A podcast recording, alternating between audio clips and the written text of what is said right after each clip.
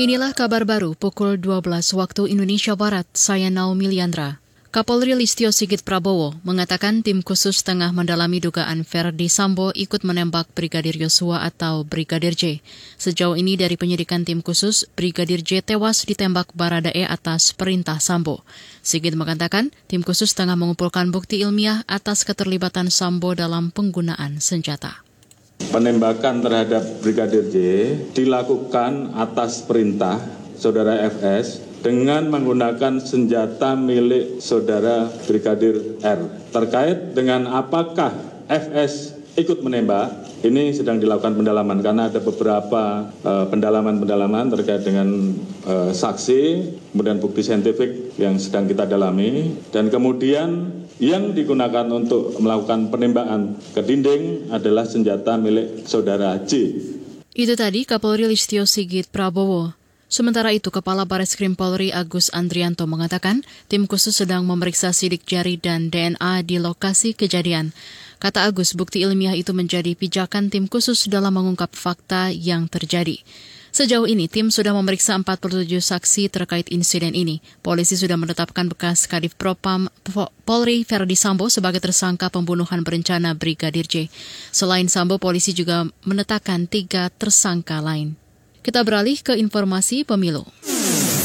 Kabar pemilu. Kabar pemilu. Tiga partai yang tergabung dalam Koalisi Indonesia Bersatu KIB mendaftar ke Komisi Pemilihan Umum KPU menjadi peserta pemilu 2024. Tiga partai itu yakni Golkar, Partai Amarat Nasional PAN, dan Partai Persatuan Pembangunan P3. Dari pantauan KBR melalui siaran langsung YouTube KPU, ketiga partai itu datang bersamaan ke KPU sekitar pukul 10 pagi. Pendukung ketiga partai datang sembari menggelar pawai atau iring-iringan. Masa memenuhi jalanan depan KPU di Jalan Imam Bonjol. Ketua umum masing-masing partai tampak berada di tengah-tengah masa. PAN menjadi partai yang lebih dulu masuk ke KPU untuk mendaftar. Diikuti Golkar, lalu P3. Selain Partai KIB, pagi tadi Partai Solidaritas Indonesia PSI juga mendaftar ke KPU.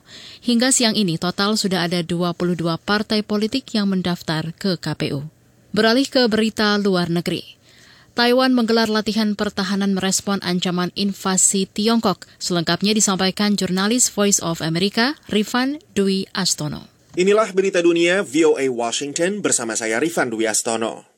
Taiwan mengadakan latihan artileri hari Selasa untuk mensimulasikan pertahanan mereka terhadap suatu serangan seiring tuduhan Menteri Luar Negeri Taiwan yang menyebut Tiongkok tengah bersiap menginvasi wilayah pulau itu setelah menggelar latihan perang besar-besaran selama berhari-hari. Tiongkok memulai latihan angkatan udara dan lautnya di sekitar Taiwan minggu lalu untuk menanggapi kunjungan Ketua DPR Amerika Serikat Nancy Pelosi ke Taiwan, pejabat tertinggi Amerika yang melawat pulau dengan pemerintahan sendiri itu setelah puluhan tahun.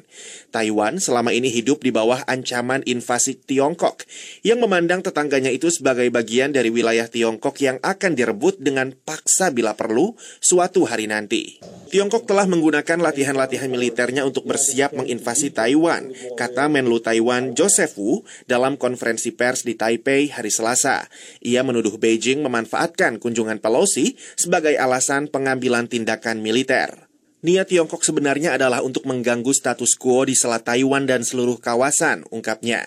Militer Tiongkok mengatakan latihannya di sekitar Taiwan berlanjut hari Selasa dan melibatkan unit angkatan udara dan laut.